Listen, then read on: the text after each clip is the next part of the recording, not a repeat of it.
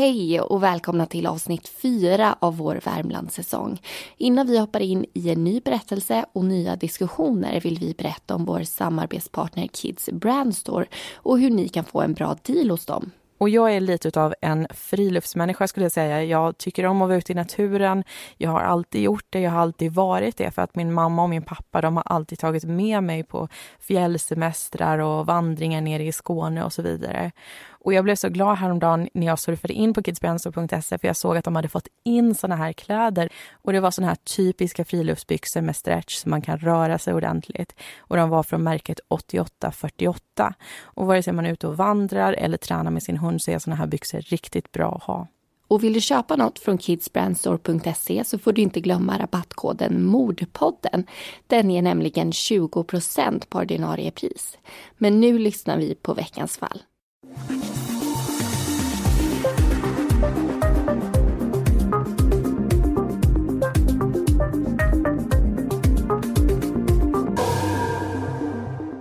Natten mellan julafton och juldagen 2011 hittas en man död i Kristinehamn. Han har blivit knivhuggen i benet och förblött i en gångtunnel. Frågan är varför. Om det är en slumpmässig händelse eller ett planerat dåd. Polisen hör sig för och får reda på vem han har varit i kontakt med den senaste tiden. Svaren leder dem till ett par. En man och en kvinna som tidigare under kvällen varit inblandade i ett pubbråk och som polisen senare varit hemma hos då det varit oroligt. Men när de börjar prata så skiljer sig deras historier åt och frågan är vem man ska lita på.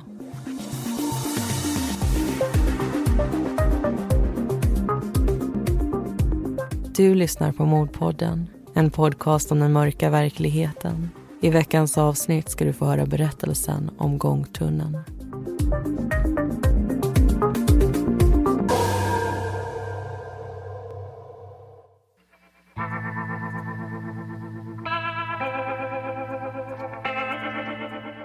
För många är julen ett välkommet avbrott i vintermörkret. En ledighet man längtat till och som nu kan tillbringas med nära och kära. Det är ett sill och potatis, köttbullar och Janssons. Kalanka och hans vänner hoppar runt i tv-rutan och julklappar delas ut. Har man tur vilar ett vitt täcke på marken utomhus samtidigt som man själv njuter av värmen inomhus. För trots stress i julhandel, pyntande och bakning så är julen för många människor fridfull. Men många betyder inte alla. För vissa så är julen någonting man bara vill ta sig igenom. En tid då ensamheten märks av mer än någonsin. Då alkohol och droger är det enda som kan få en att glömma och dämpa ångest, vemod och sorg. Beatrice är 26 år, mamma och fru. Hon är också alkoholist. I slutet av 2011 händer det mycket i hennes liv. Hon och hennes man går isär.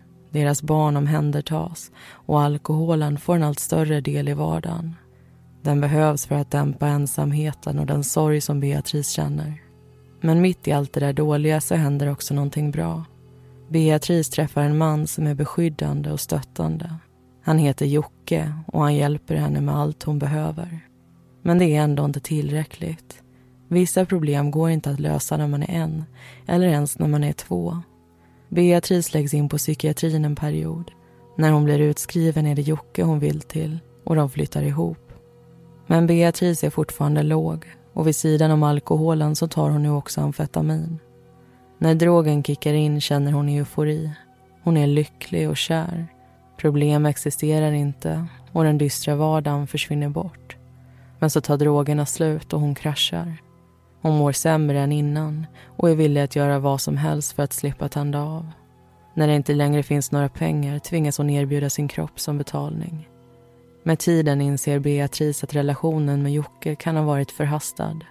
Han börjar visa andra sidor och ett annat beteende. Hans beskyddande natur blir till kontrollerande. Hans omsorg till svartsjuka. Med en mening så kan han gå från att vara lugn till att bli förbannad och man vet aldrig vad det är som ska trigga förändringen. När Beatrice och Jocke träffas är han 37 år. Likt sin flickvän så har även han gått igenom tuffa perioder i sitt liv. Första gången han dömdes för ett brott var han bara 16 år. Fyra år senare begick han sitt första våldsbrott.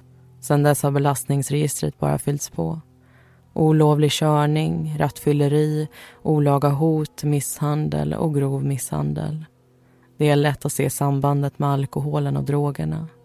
Flera gånger om har påföljden blivit fängelse och Jocke har tillbringat många dagar av sitt liv inlåst. 2006 dömdes han till sex års fängelse, en av hans längre vistelser. På insidan träffade han Ola, som också avtjänade ett straff och de två männen blev nära vänner.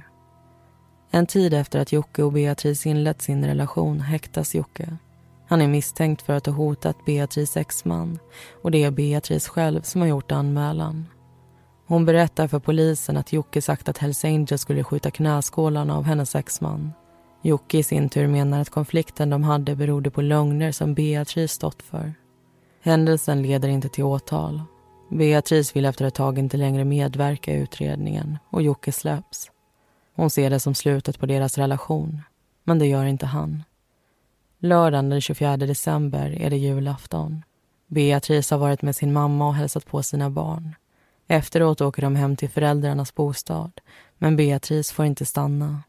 Mamman skjutsar vidare sin dotter till Kristinehamn.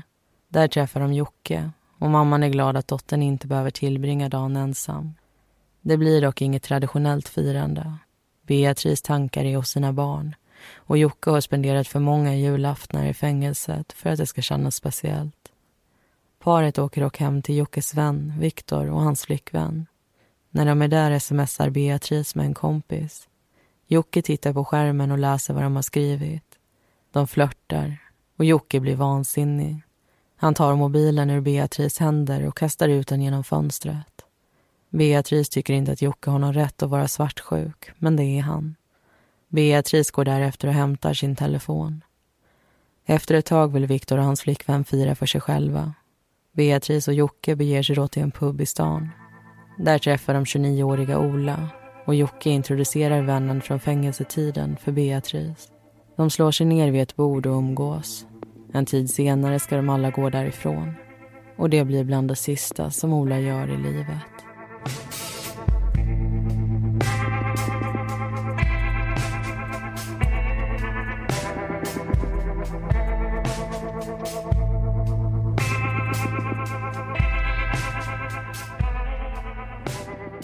Då har det alltså blivit dags att dyka in i den första diskussionen. Och det här är alltså säsongens sista avsnitt. Vi har haft en väldigt kort säsong, men vi ska också ha ett väldigt kort uppehåll. Så vi är tillbaka redan den 28 april med fyra nya avsnitt och landskapet har vi inte riktigt bestämt än, så vi får vänta och se helt enkelt vad det blir. Mm. Och för några veckor sedan så gjorde ju vi en övning i ett av våra avsnitt och det här fick vi så mycket respons på. Eh, det var en övning som handlade om det ideala offret och vi bad er att blunda. Vi berättade lite saker och så fick ni föreställa er vem den här personen var. Och jag tycker det är så intressant att eh, ni såg så olika personer. Alltså vissa såg den här unga blonda kvinnan som du och jag såg, Amanda.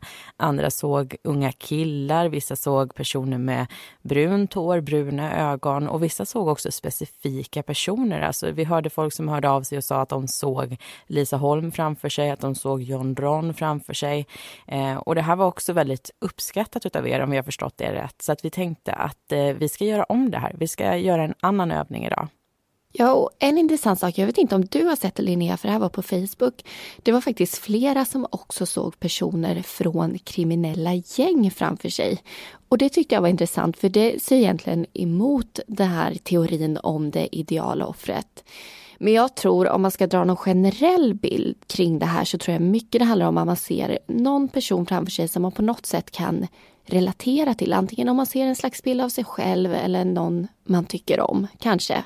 Jag tror fler gånger än vad man själv inser så utgår man från sig själv. Mm. Men det kan man ju bara spekulera kring och det här tyckte vi som sagt var väldigt intressant. Och den här gången vill vi gärna ha era åsikter kring gärningspersoner.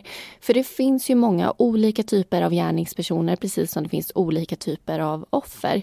Det finns ju män som mördar kvinnor, kvinnor som mördar män, föräldrar som mördar barn, väldigt unga gärningspersoner. Så det finns ju också olika grupperingar. Vissa gärningspersoner är manipulativa, andra är farliga när de dricker och vissa har psykiska problem till exempel. Och frågan till er som lyssnar nu är vilken typ av person som ni kanske dömer hårdare än andra och vilka dömer ni mindre hårt eller ser ni kanske inte någon skillnad alls att en gärningsperson är bara en gärningsperson? Och vi vill inte förminska det här på något sätt. Det handlar om verkliga människor, det handlar om verkliga situationer. Men jag anser att det också finns ett intresse i att förstå varför man är mer dömande mot en typ av person än man är mot en annan. Så fundera på vad ni tycker och tänker. Är det förväntningarna som är högre på dem som ni dömer hårdare? Är det att de påminner om någon i ens liv som man kanske har svårt för? Eller handlar det helt enkelt om offren och allting som de har gått igenom? Det här är en övning så man får tänka fritt. Inget är fel. Det finns ju inget som är rätt heller. Har du reflekterat kring det här någon gång, Linnea? Ja, det har jag nog gjort eh, ett par gånger. Men jag skulle säga att jag ser nog inte specifikt de här typerna framför mig. Jag tror inte jag ser alla män som mördar kvinnor som de värsta förövarna, utan jag tror att det handlar mer om eh, beteendet som de visar upp i till exempelvis rättegången och som man kan läsa om i förhör och så vidare. Och också deras personlighet. Jag har exempelvis väldigt svårt för manipulativa människor. Jag kan tycka mer illa om någon som anstiftar ett mord än den som faktiskt utför mordet. Och jag tänker speciellt på Sturebymordet som vi tog upp i vår Stockholmssäsong. Där är det en ung tjej som alltså får sin sin pojkvän att döda en annan tjej och motivet är svartsjuka. Och jag tycker heller Head over to Hulu this March where our new shows and movies will keep you streaming all month long. Catch the award-winning movie Poor things starring Emma Stone, Mark Ruffalo and Willem Dafoe. Check out the new documentary Freaknik, The Wildest Party Never Told about the iconic Atlanta Street Party. And don't miss FX's Shogun a reimagining of the epic tale starring Anna Sawai. So, what are you waiting for? Go stream something new on Hulu.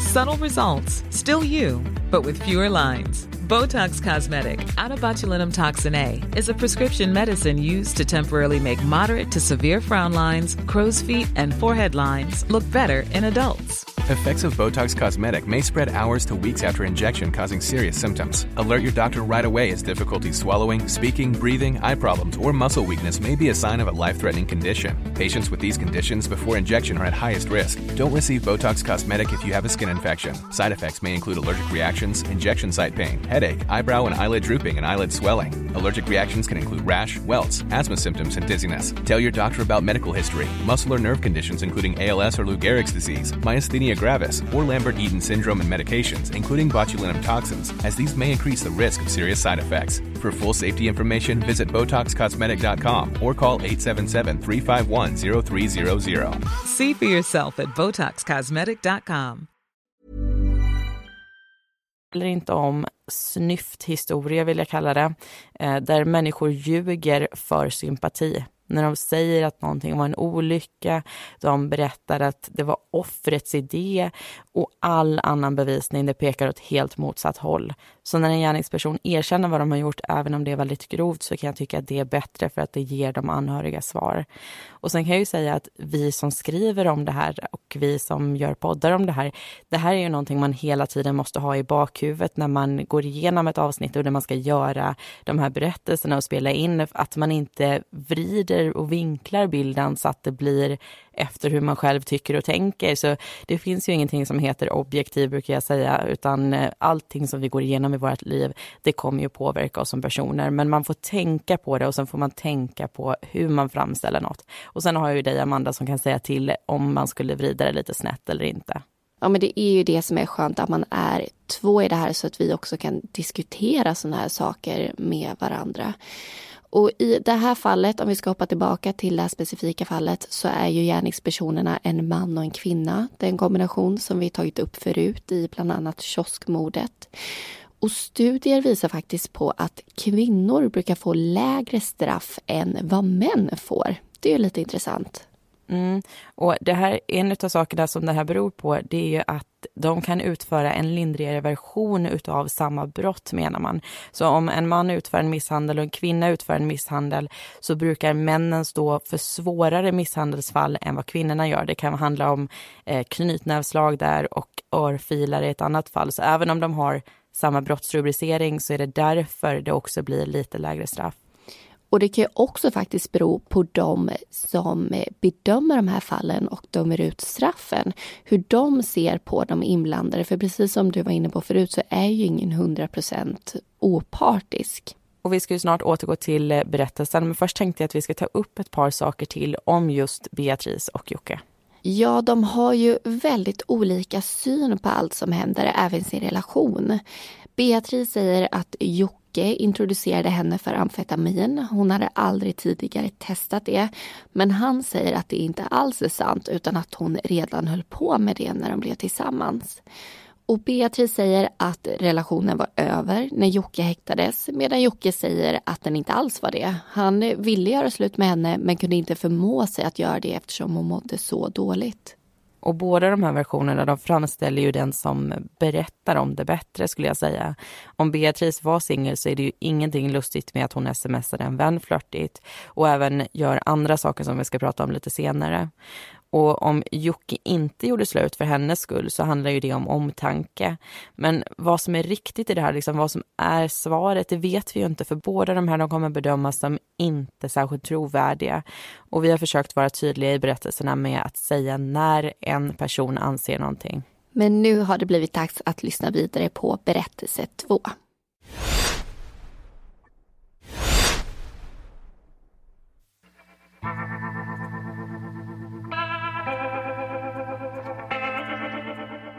Inne på puben slår sällskapet sig ner vid ett bord. Beatrice ser en bekant som varit med och hjälpt henne flytta en gång. Hon går fram till honom och säger hej. När hon kommer tillbaka har Jocke blivit fundersam på vem mannen är. Beatrice menar att det inte är någon särskild. Men enligt Jocke så säger hon att det är en man som hon haft sex med då Jocke satt häktad. Jocke reser sig upp och går bort till mannen. Han frågar vad han och Beatrice har för relation och väller ur sig hot. Sen går Jocke vidare och sätter sig vid baren.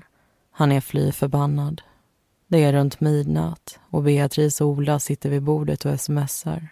Beatrice skriver att Ola är fin och den 29-åriga mannen svarar om de ska dra därifrån. Samtidigt pratar Beatrice bekant med en ordningsvakt och går sen fram till Jocke och lägger en hand på hans axel. Jocke vänder sig och gör ett utfall. Hans hand snuddar vid mannens käke, men det är ett halvdant slag och efteråt blir han utslängd. Beatrice har inte svarat på Olas sms och när Jocke tvingas gå så reser sig också hon och Ola. Alla tre styr stegen till Beatrice lägenhet. Klockan har passerat midnatt och det är nu officiellt juldagen. I fönster lyser ljusstakar och stjärnor som en påminnelse.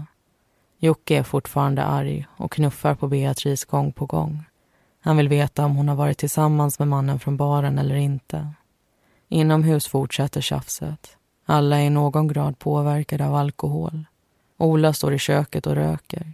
Han säger åt sin vän att lugna sig. Men Jockes humör blir istället värre. Han och Beatrice hamnar på golvet. Enligt Beatrice är det Jocke som knuffar henne. Men enligt honom är det han som bara försöker få bort henne då hon biter sig tag i hans arm. När Beatrice är på benen igen springer hon in på toaletten. Hon tar fram en rakhyvel och drar de vassa bladen längs sin arm. Jocke kommer efter. Han ber om förlåtelse och lägger en handduk om armen. När stämningen lugnat sig lämnar de toaletten. Ola är då borta. Beatrice plockar upp sin mobil för att skicka iväg ett sms och se vart han tagit vägen. Men innan hon hinner trycka på skicka tar Jocke telefonen ifrån henne. Det är då han ser deras konversation från puben hur hans flickvän och vän planerade att ta en taxi därifrån, tillsammans. Han kastar telefonen i väggen och slår knytnäven i skärmen på Beatrice dator.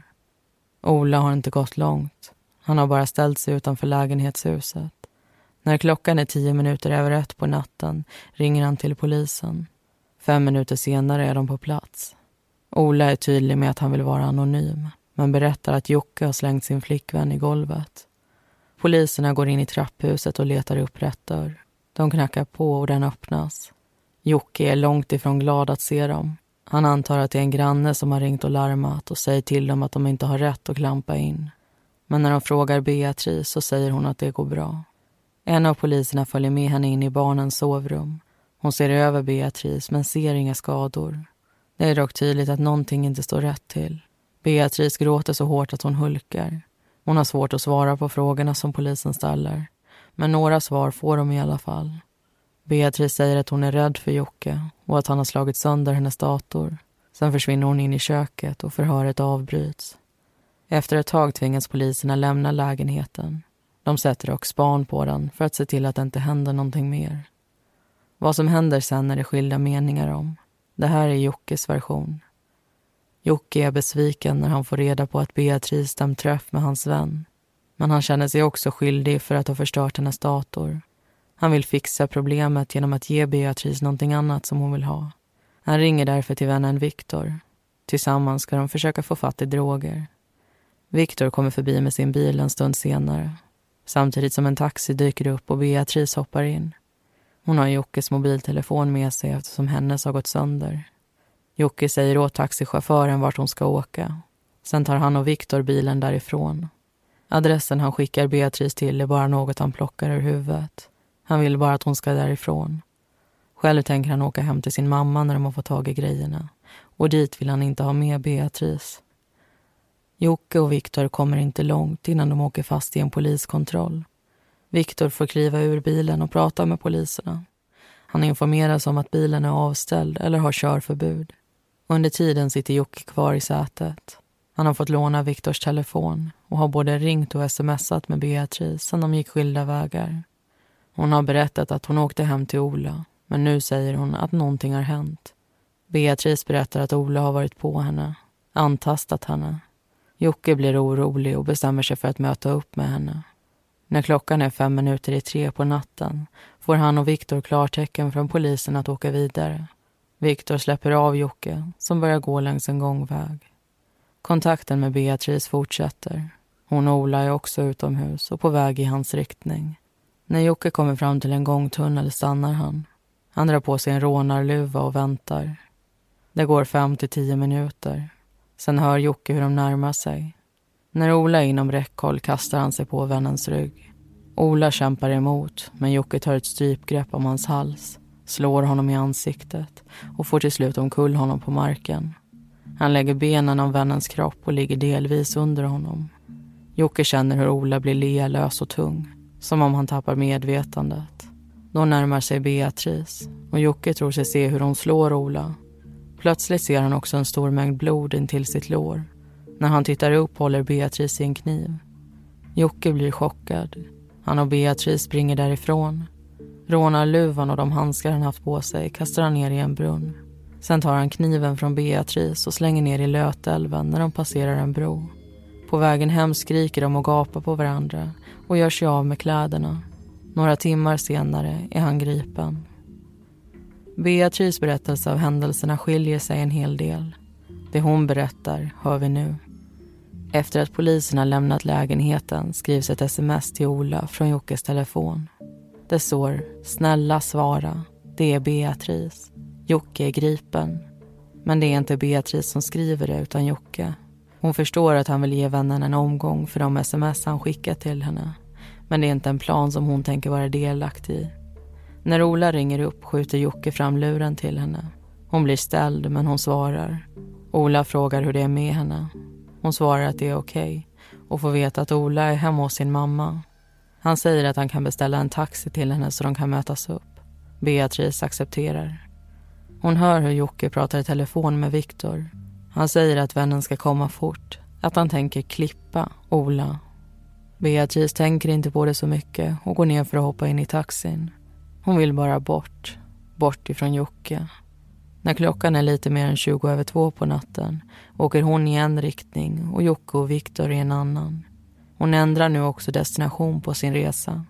Fem till sex minuter senare är hon framme och möts upp av Ola, hans mamma och en hund. De går in i bostaden och tar det lugnt. Beatrice öppnar upp och berättar för dem båda om sitt missbruk och att hon nyligen förlorat vårdnaden om sina barn. Hon är inte ensam om att känna sig vilsen. Ola har nyligen kommit ut ur fängelset och säger att han försöker få ordning på sitt liv. Och om det är någon som förstår hur det är att vara skild från sina barn I'm Nick Friedman. I'm Lee Alec Murray. And I'm Leah President. And this is Crunchyroll Presents The Anime Effect. We are a new show breaking down the anime news, views, and shows you care about each and every week. I can't think of a better studio to bring something like this to life. And yeah, I agree. We're covering all the classics. If I don't know a lot about Godzilla, which I do, but I'm trying to pretend that I don't right Hold now. it in, hold on. And our current faves. And... Luffy must have his due. Tune in every week for the latest anime updates and possibly a few debates. Oof. I remember, what was that? say what you're going to say, and I'll circle back. You can listen to Crunchyroll Presents The Anime Effect every Friday wherever you get your podcasts. And watch full video episodes on Crunchyroll or the Crunchyroll YouTube channel.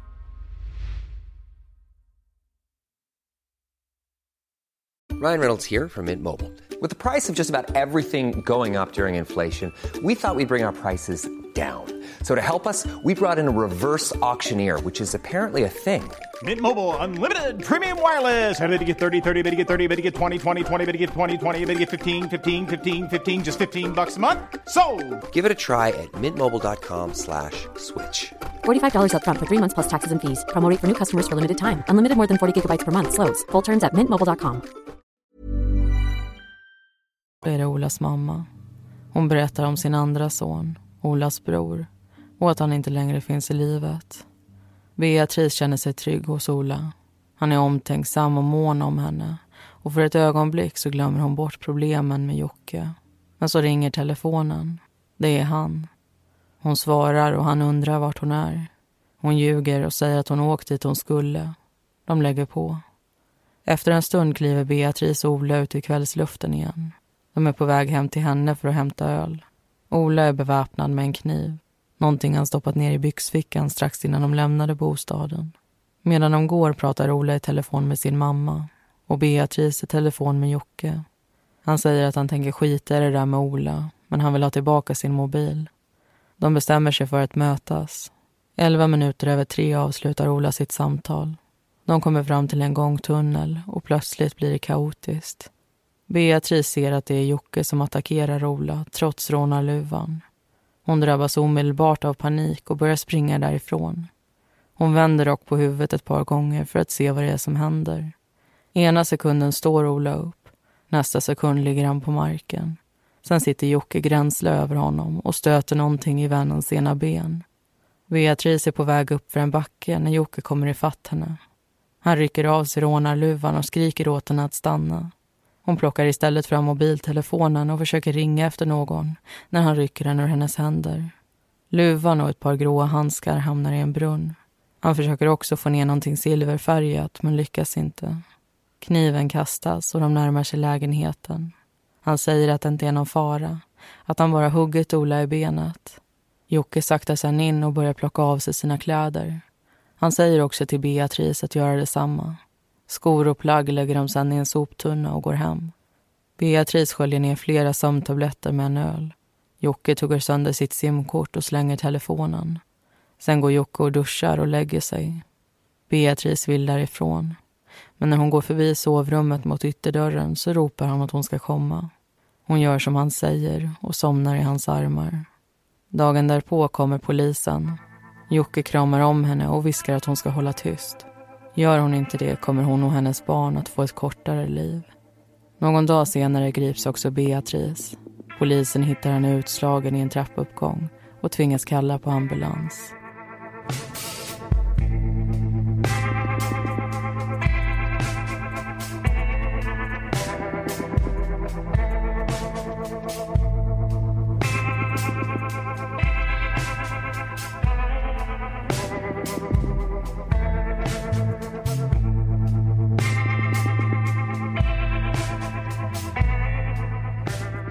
Där hörde vi den andra delen av gångtunneln. Och nu har vi både Beatrice och Jockes berättelser kring vad som hände den där julaftonsnatten. Och de skiljer ju ganska mycket på varandra. Och det finns ett par frågetecken och båda nekar till att de hade haft en gemensam plan.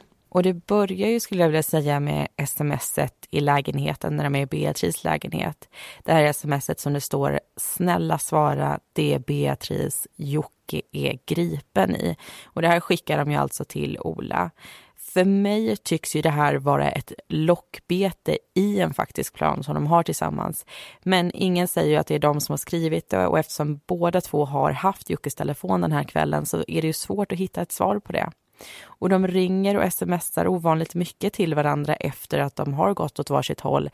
Det tycker jag är lite lustigt, för båda säger i den här domen att det enda de ville det var att komma bort ifrån den andra personen. Och taxichauffören hör när de pratar i telefon med varandra, så inte alls länge efter att de har just gått åt skilda vägar.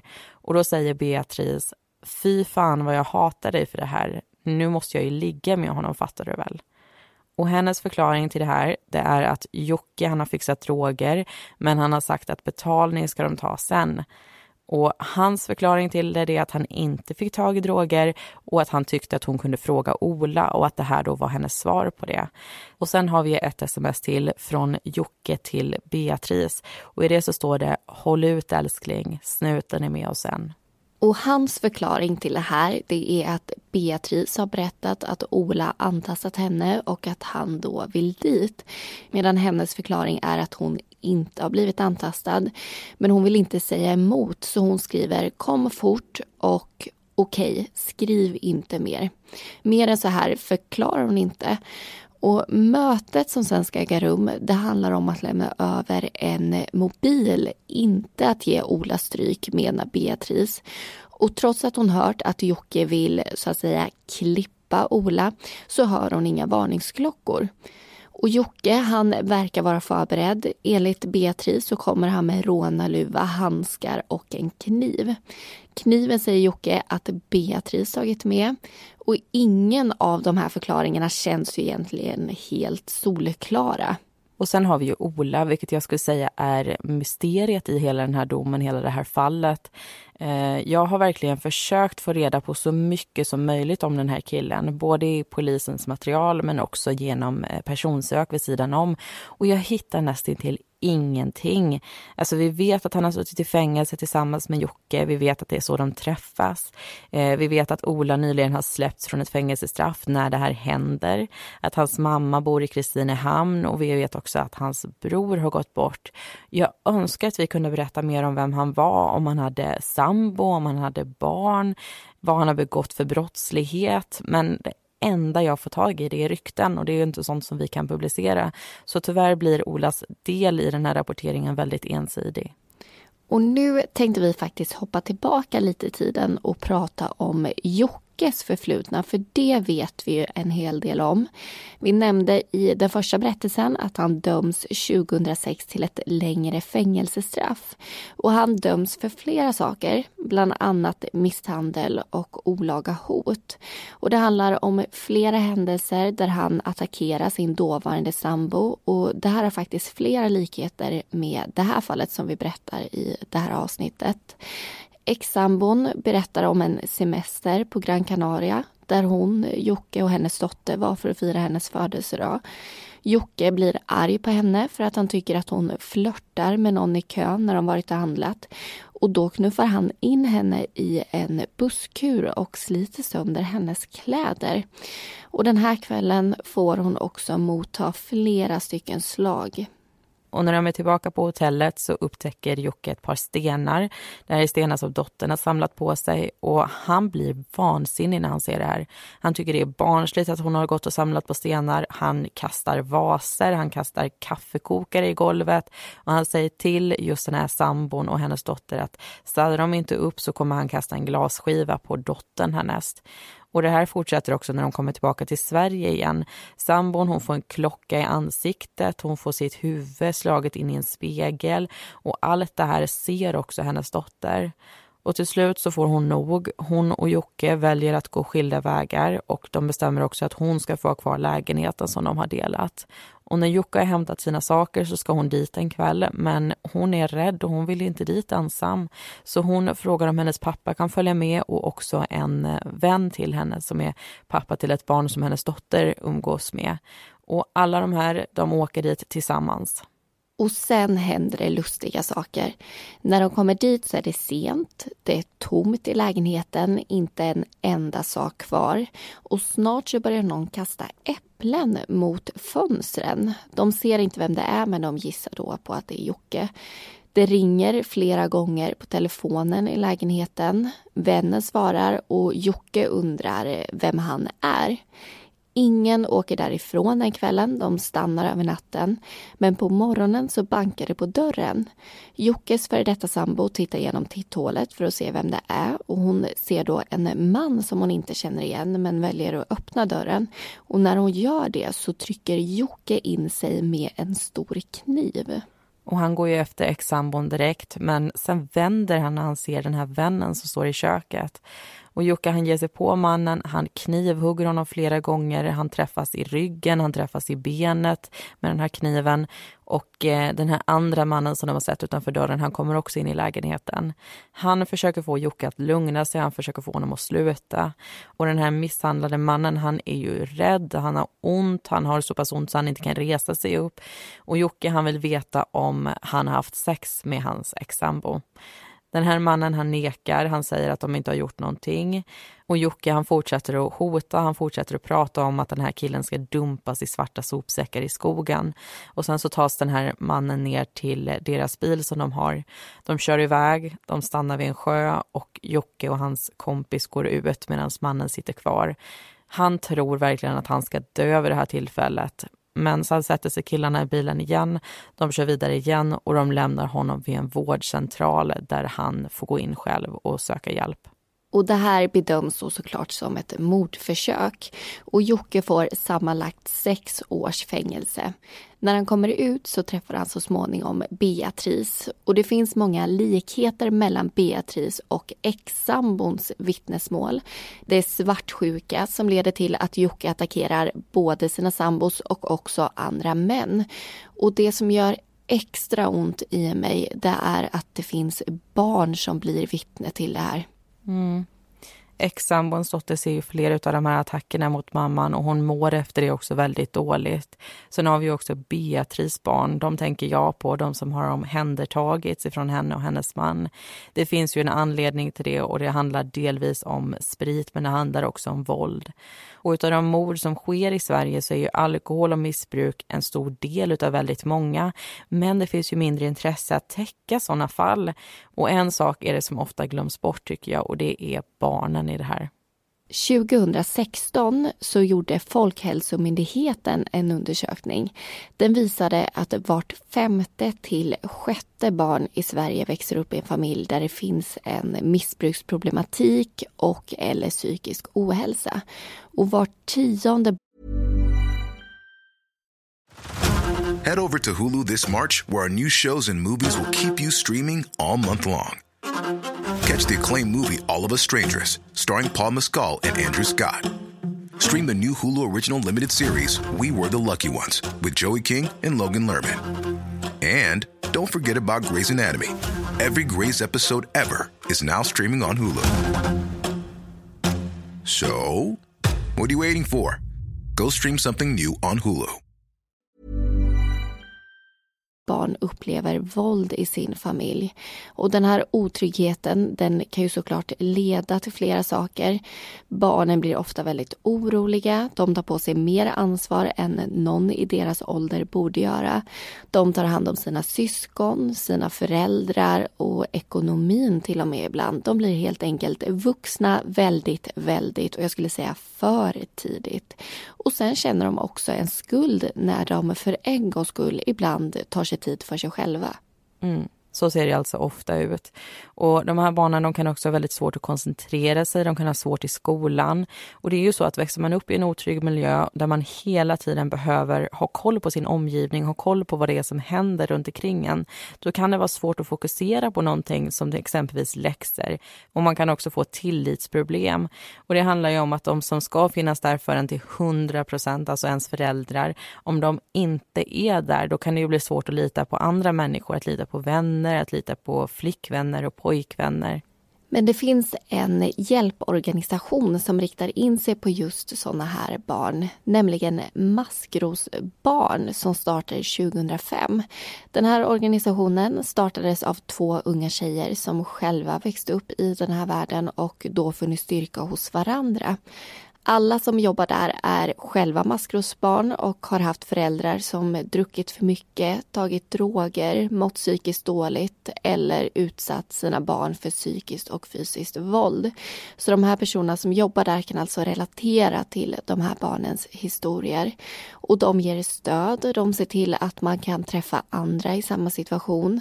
Och det anordnas också läger och aktiviteter på lov och storhelger så att man helt enkelt kan komma ifrån från allt när man behöver det som allra, allra mest. Men nu har vi pratat tillräckligt länge. Det här var en lång diskussion. Jag hoppas att ni tyckte att det var intressant. Men nu så ska vi återgå till Jocke och Beatrice.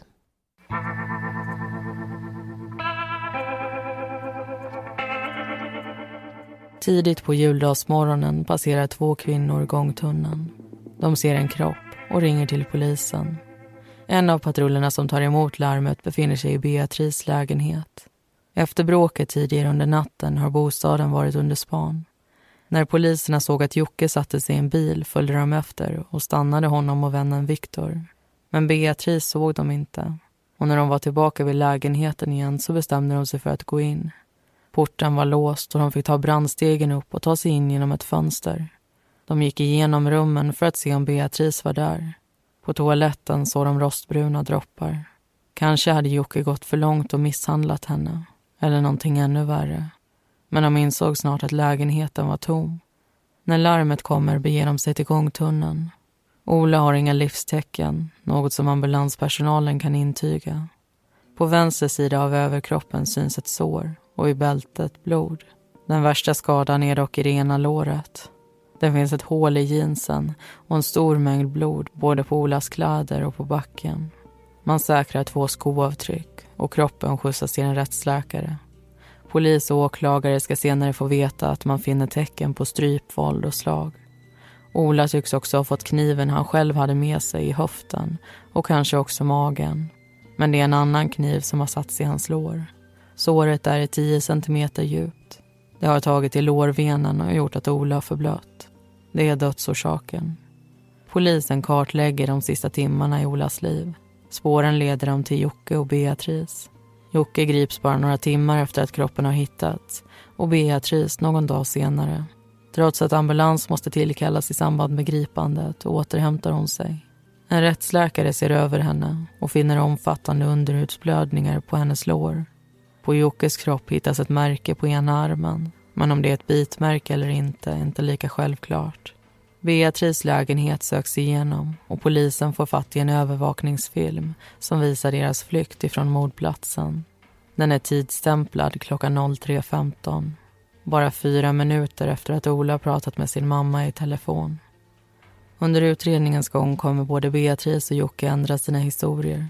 Beatrice säger att det beror på att hon höll på att tända av under de första förhören och Jocke, som i ett tidigt skede skyddar Beatrice, säger senare att han har ljugit. Anledningen var att Beatrice fått honom att tro att de skulle få barn tillsammans. Men det var inte sant. När polisen pratar med Jocke så berättar han om kniven som används den natten. Han ger dem fabrikatet, en detaljerad beskrivning och också vad han gjort sig av med den. Men han säger också att han bara haft den i sina händer en kort stund och att det var Beatrice som hade tagit med sig den och använt den. Polisen åker till den plats som Jocke pekat ut. De hittar där mycket riktigt en fällkniv med håligheter i skaftet.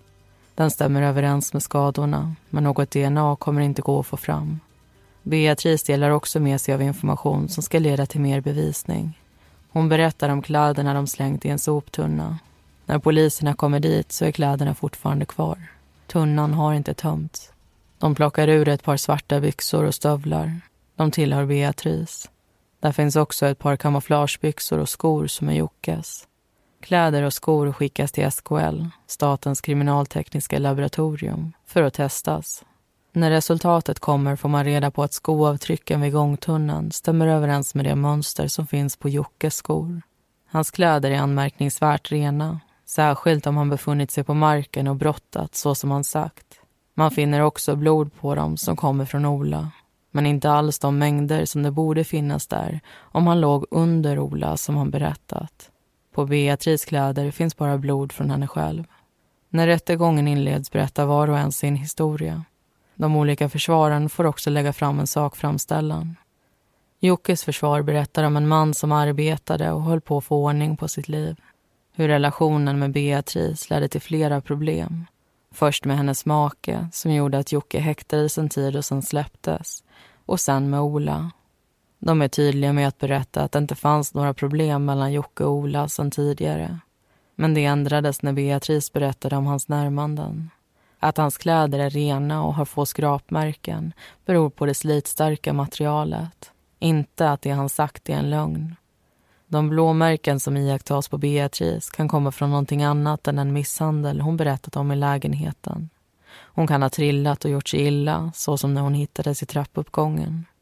Försvaret lägger också fram inlägg från Facebook och ett telefonsamtal mellan Beatrice och Jockes mamma. I inlägget står det “Vi löser detta. Bara håll ut”. Och i samtalen säger Beatrice att Jocke är oskyldig. Beatrice försvar har en annan vinkel på det som hänt. Man beskriver en jobbig livssituation med konflikter, omhändertaganden och polisutredningar. Mitt i allt det kom Jocke in i bilden. Beatrice såg honom som stark, trygg och omhändertagande. Hon var i ett skört tillstånd och efteråt så ändrades hennes åsikter om vem han var. Hon försökte bryta med honom men det gick inte. Blåmärkena på hennes lår kommer från misshandeln i lägenheten. Men att hon bet honom är en lögn. Hon var för rädd. Därför sa hon heller ingenting av vikt till polisen som dök upp. Och vid gångtunneln så var hon helt oförberedd på vad som skulle hända. Hon försökte springa ifrån Jocke men det gick inte. Och när han hotade henne och hennes barn så såg hon ingen annan utväg än att göra som han sa. Att hon sagt sig vara gravid är en lögn. Tingsrätten har flera frågor som inte får några klara svar. Bland annat vad smsen verkligen handlade om. Man anser att varken Beatrice eller Jockes vittnesmål är särskilt trovärdiga och inget av det de säger kan stå utan stöd i annan bevisning. Delar av Beatrice berättelser får just ett sånt stöd. Att Ola skulle ha antastat Beatrice i sin mammas lägenhet och närvaro finner man osannolikt. Tiden är också knapp. Istället menar man att kontakten mellan Jocke och Beatrice tyder på att de redan innan var inställda på att träffas igen den kvällen. Men att mötet skulle resultera i en attack är det bara Jocke som har som avsikt. Det är också planerat det han gör. Han har väntat på dem i flera minuter. När Ola och Beatrice dyker upp slår han vännen och tar ett stryptag. Och när Ola är medvetslös så stannar han inte upp utan sätter en kniv i hans ben. Varken Jocke eller Beatrice hjälper därefter Ola eller ringer och larmar. Anledningen bakom attacken blir det som bestämmer påföljden. För även om Beatrice hört Jocke säga att Ola skulle klippas så tyder annat på att det handlar om en märkning. En misshandel som går överstyr. Jocke har haft på sig en rånarluva för att inte bli igenkänd. Det tyder på att det skulle finnas ett efter attacken. Och även om våldet är hänsynslöst och riskerna då de lämnar Ola stora så går det inte att se Jocke som likgiltig inför hans död. Det är därmed inte ett uppsåtligt dödande. Och Jocke döms för grovt vållande till annans död och grov misshandel. Han döms också för en rad andra brott. Bland annat misshandeln i lägenheten mot Beatrice. Påföljden blir åtta års fängelse Beatrice döms för vållande till annans död och får ett år och tio månaders fängelse. Jockes del överklagas och hovrätten tar en egen titt på det som hänt. De kommer inte till samma slutsats som tingsrätten och menar att det inte är klarlagt att det är just Jocke som har hållit i kniven. Han döms därför för grov misshandel och får två års fängelse.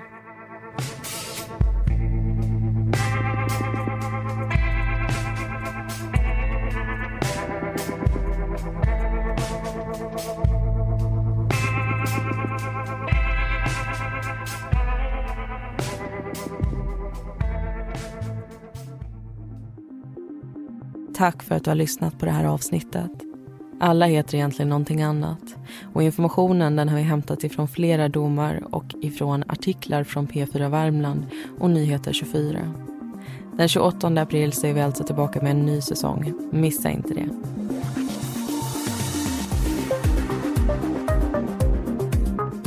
Vi som gör Mordpodden heter Linnea Bolin och Amanda Karlsson. Bakgrundsmusiken består av låtarna Lasting Hope, Lightless Dawn och Soaring av Kevin MacLeod samt Deep Space av Audionautics.